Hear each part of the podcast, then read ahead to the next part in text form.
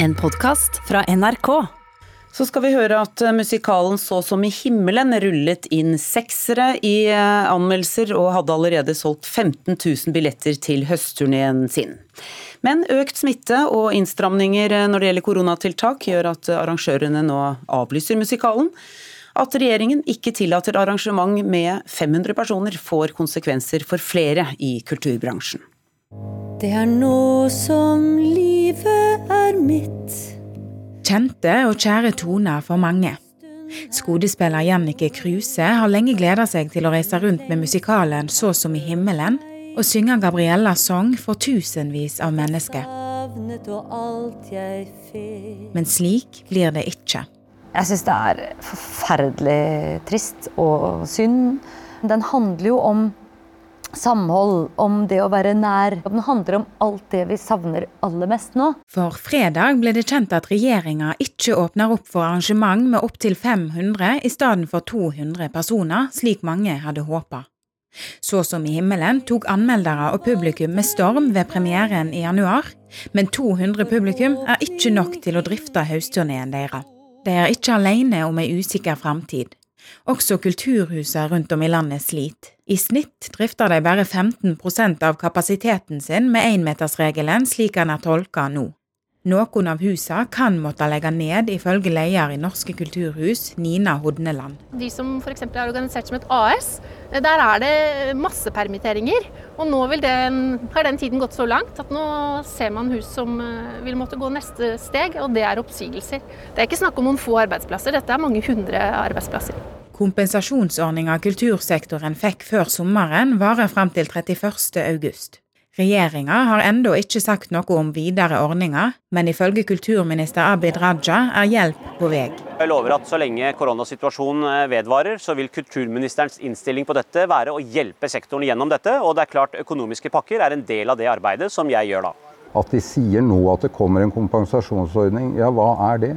Bjørn Heiseldal er administrerende direktør og produsent Italia Teater, som sammen med Oslo Nye Teater står bak Så som i himmelen.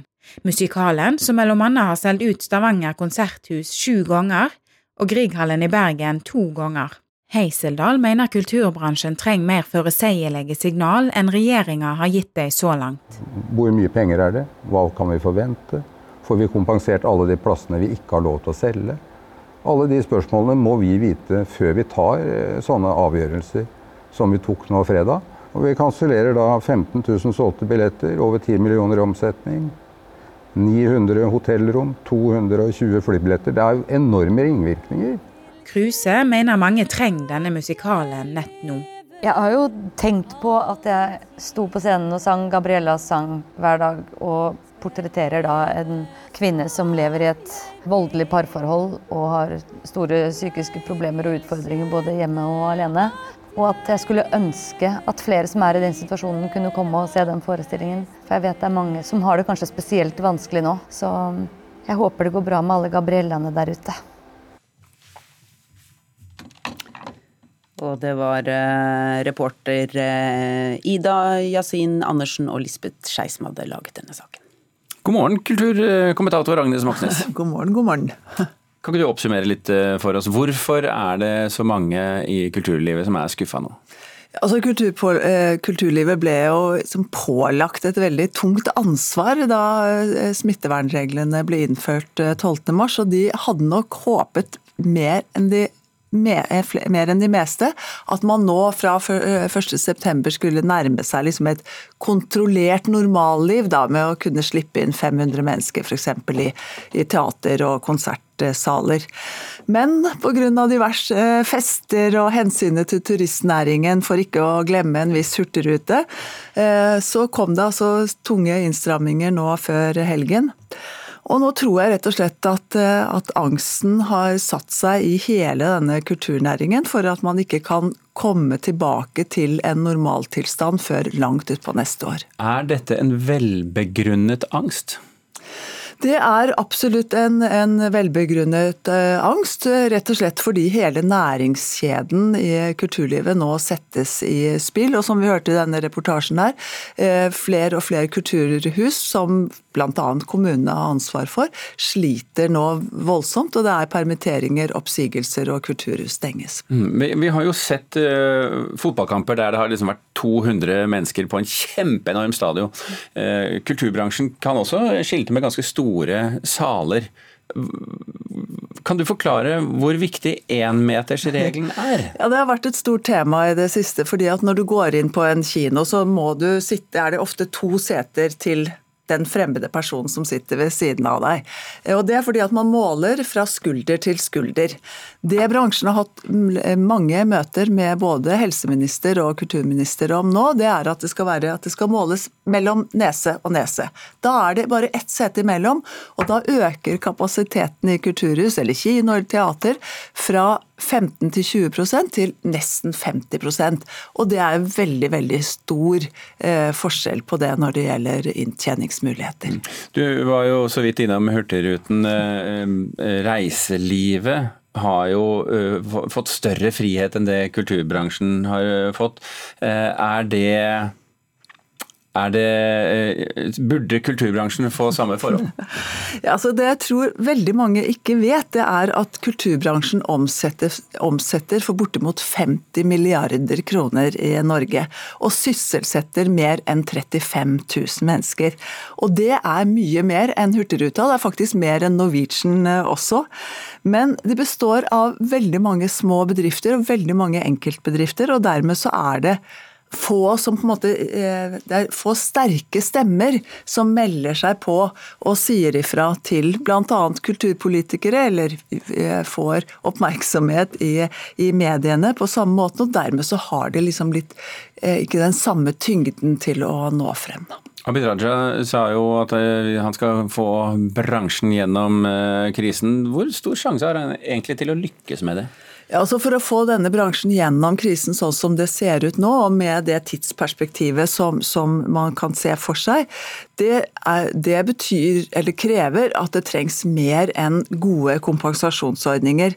Nå trengs det en kulturminister som slåss for å tydeliggjøre samfunnsbetydningen av kultur næringen kultur, og dermed også hele verdigheten til denne kulturbransjen. Og det trengs, ikke bare en kulturminister, men det trengs ministre som viser at de bryr seg også om kinoene, om de små og store bandene, om kulturhusene, festivalene og teaterforestillingene som så som i himmelen, som vi hørte om i denne reportasjen. Har det som har vært gjort så langt, vært nok? Det har vært nødvendig. Eh, det er ikke nok. Eh, men nå, fra og med når høsten begynner nå, så krever det rett og slett at vi får en tydelig kulturminister eh, som viser på mange måter hva han tenker om hvordan man skal komme gjennom denne perioden som vi har foran oss. Takk Agnes for at du kommenterte. Tydelig kulturminister, sa du. Aktiv kulturminister kan man like gjerne si. Og ja. apropos. yes, fordi at kulturminister Abid Raja han er nå kåret til den store selfiekongen blant regjeringsmedlemmene. Og dette har du mer om, kulturreporter Oddvin Aune? Ja, jeg vet ikke hvor mange selfier du har lagt ut i sommer, men eh, kan, ikke mange. Nei, jeg tror jeg kan garantere deg at eh, kulturminister Raja har lagt ut flere. Aftenposten har gjort en opptelling av eh, hvem av statsrådene som er mest aktive i å publisere bilder av seg sjøl på Facebook, og han er helt soleklart på topp. Siden januar har han lagt ut 233 bilder av seg sjøl på Facebook, og 88 av dem har han tatt sjøl, altså selfies. Og Det er jo et hav ned til neste, man, neste, person på lista. Han har jo tatt like mange selfies som resten av regjeringen til sammen, eh, viser denne opptellinga. Og eh, Bildene det er alt mulig. Det er møte med folk via jobben som minister, det er feriebilder, turbilder, toppen av Gaustatoppen, tårnet av Nidarosdomen, i et helikopter på Luftfartsmuseet i Bodø. Og han har, tatt, han har, også lagt ut flest bilder der det er brukt profesjonell fotograf. Han har jo mye å skryte av, da, må vi si. Du vet jo litt om hvorfor han legger ut alle disse bildene òg, du? Uh, Nå sier han også til Aftenposten at uh, han i ti år har uh, hatt som mål å legge ut noe på Facebook hver eneste dag. Han fikk et råd om det da da han begynte å gå veldig aktivt som politiker. Og når Aftenposten konfronterer han med et såpass høyt tall som 88 selfies, så, så sier han sjøl at 88 siden januar, det hørtes nesten litt lite ut. Så han er ikke, han er ikke redd for det. Um, og han, mener, han sier sjøl at det handler ikke om å, være, om å skulle være en kjendispolitiker, det handler om et bevisst ønske om å skape god stemning på sosiale medier og vise fram folk og organisasjoner han møter underveis. Ehm, og professor Gunn Enli, som er ekspert på politisk eh, kommunikasjon, hun sier at eh, han forsøker å danne et bilde av seg selv som en eh, aktiv politiker med mange forbindelser og allianser. Og at han da retter fokus mot seg selv som en person som òg bygger seg også opp som en kjendispolitiker. Men at det at han tar bildene sjøl, gjør at han framstår som mer ekte. Uh, Enlig mener også det er ganske, ganske lite dialog uh, med velgerne på sosiale medier. og Da blir det i stedet selvprofilering fra politikere som uh, er avhengig av å bli lagt merke til. Og Så må man jo selvsagt legge til at en slik selvprofilering kanskje kan være en del av kampen om ledervervet i Venstre etter Trine Skei Grande. Og, ja, Raja har ikke sagt at han er en kandidat, men det kan vel skje. Mm. Eh, Raja er altså selfie-kongen i regjeringen. Hvem eh, er det som er minst aktiv? Åtte av statsrådene har ikke lagt ut en eneste selfie på sine offentlige kontoer i, hittil i år, i 2020. Og En av dem er utvikling, utviklingsminister Dag Inge Ulstein i KrF. Og Han mener at oppmerksomheten og kameraene heller må rettes ut mot de utfordringene som verden har i dag. Takk skal du ha, Oddvin Aune. Nå nærmer det seg skolestart over eh, hele landet. For de fleste er det bare en eh, uke igjen, og det kan være nyttig med filmatisk inspirasjon før høstsemesteret begynner. Det finnes nemlig en rekke filmer med skolemiljø som viktig bestanddel. Faktisk kan man nesten kalle det en egen sjanger, som strekker seg mange tiår tilbake i eh, tid. Og her er altså tidspunktet hvor jeg kaller opp filmkritiker her i NRK, Birger Vestmo. God morgen. Ja, god morgen morgen. Hvorfor blir det servert skolefilmer med jevne mellomrom? Altså, det her er jo en arena som vi alle kjenner. De fleste av oss går eller har gått på skole. Vi kjenner jo problemstillingene som gjerne oppstår i det her miljøet, og vi kan relatere oss til utfordringene som figurene står overfor. Eh, og sjøl om skolefilmsjangeren sjølsagt endrer seg i takt med tida og spenner over et vidt spekter sånn rent innholdsmessig, så ser vi forbausende mange likheter, enten man ser en eh, dramaklassiker som Vend dem ikke ryggen fra 1955, en litt mer ekstrem variant i Class of 1984 fra 1982, eller komedien Booksmart fra i fjor. For det er gjerne tidløs tematikk som går igjen i mange av de her filmene, med vennskap, kjærlighet, fiendskap, dynamikken mellom lærere og elever, og og fremtidsangsten da, som skoleelever kanskje kjenner på når de står på terskelen til voksenlivet. Mm, og På våre nettsider, eh, du kan gå inn på nrk.no eh, kultur hvis du har lyst, eh, du som hører på nå, og se ti filmer som Birger har plukket ut. Vi rekker ikke alle ti nå, Birger, men vi rekker kanskje tre? Ja, og da skal vi innom en som jeg allerede har nevnt, nemlig komedien Booksmart. We have to go to a party tonight. What? Let's go to Nick's party. Are you kidding? No, no way. We only have one night left to have studied and partied in high school. Otherwise, we're just gonna be the girls that missed out. We haven't done anything. We haven't broken any rules. Okay. Okay. Fortell, Birger. Ja, altså Jeg syns at Booksmart er både rasende morsom og forbausende sår på samme tid. Vi hørte her venninnene Molly og Amy som har vært skikkelig skoleflinke gjennom hele high school, men rett før skoleslutt så angrer de på alt de ikke har gjort, og prøver å gjøre opp for det i løpet av en eneste kveld. Og Du hører altså at filmen handler om skoleslutt og ikke start, men det er noe tidløst over hvordan den skildrer Molly og Amys vennskap, deres kjærlighetsliv, ambisjoner og usikkerheten de nå føler på for tida etter eh, high school, og Booksmart kan du både kjøpe og leie digitalt. Mm. Eh, dette er jo eh, debutfilmen til regissør Olivia Wilde. Mange husker henne som skuespiller i, i House. Ja, det er riktig, og en lang rekke andre filmer også. Ja, hva, hva, er med, hva, er det med, henne som gjør at du vil ha akkurat den som tips? Altså, Man kan jo se for seg at hun eh, tilfører skolefilmsjangeren et eh, kvinnelig perspektiv, da. Fordi her fortelles jo eh, historien gjennom eh, Molly og Amy, som du hørte. Og eh, den humoren som Booksmart preges av, har kanskje et litt lunere aspekt da enn de litt mer råere, sexfokuserte high school komediene som vi etter hvert har blitt litt vant til. Mm. Vi har også en norsk film på programmet. Hvor mye er lua di verdt, da? Sikkert verdt sånn 100, er det ikke? Får lua. Ja, Du får den tilbake hvis du spiller. Nei, få Fri, Frida. Frida. Ja. Kom igjen. Ja, det sier jeg òg. Kom igjen. Nei, få lua. Bare gi han lua, da. Jeg vil ikke ha musikk nå plutselig. Må du være dust? Må du være grei? Psycho bitch, Birger. Hvorfor liker du den så godt? Nei, altså jeg kjenner meg igjen i den. Sjøl om jeg er 50 år gammel, som jeg var inn på litt tidligere, så har de beste skolefilmene noe tidløst over seg. Og hvis man ser Psycho Bitch, så kan norske tenåringer i all alder kjenne igjen sine egne utfordringer i en eh, morsomt fortalt historie om et uventa vennskap mellom en nesten litt kjedelig normal gutt, som jeg nok var sjøl, og ei vanskeligstilt jente med visse problemer.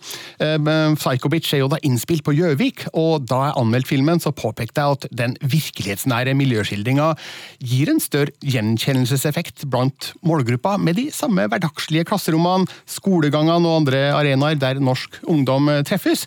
Så det er vel verdt å gi Psycho Bitch en eh, sjanse, om du ikke så den eh, på kino. Det var 105 000 som så den der, men du kan nå kjøpe den og leie den digitalt. Og en annen du kan se, det er denne. The last couple of days, we had heard that Tyler had his head shoved into a wall locker. They said he's a geek. My concern is, is that you were making someone feel so uncomfortable that they didn't want to be in school. Bully, det høres ikke bra ut, Birger. Nei, den gikk på norske kino i 2011, og det her er en dokumentarfilm som handler om mobbing. Både om dem som blir utsatt for den, de som utøver den, og dem som lukker sine øyne og ører for den. Eh, filmen viser jo da med hjerteskjærende tydelighet den ubarmhjertige tilværelsen som noen barn har på skole og på skolevei, hvor utsatte de er, og hvor lite skolesystemet kan gjøre med problemet tilsynelatende. Eh, nå skildrer Bully riktignok amerikansk virkelighet, men her er det nok mange paralleller å trekke til norske skolegårder. Og da jeg anmeldte den i 2012, så skrev jeg at det her er filmen all barn, foreldre og skoleansatte bør tvinges til å se. Den burde rett og slett inn på pensum, noe som trolig ikke har skjedd. Men Bully kan òg kjøpes og leies digitalt hos flere strømmetjenester. Bare vær obs på at det finnes flere filmer med samme tittel. Du må se etter Bully fra 2011, som altså da er en dokumentarfilm. Mm, ok, Birger Vestmo, takk for orienteringen. og Blir du nysgjerrig nå og har lyst til å vite hvilke andre eh, filmer og TV-serier Birger eh, anbefaler, så kan du med skoletema så kan du gå inn på våre nettsider nrk.no kultur.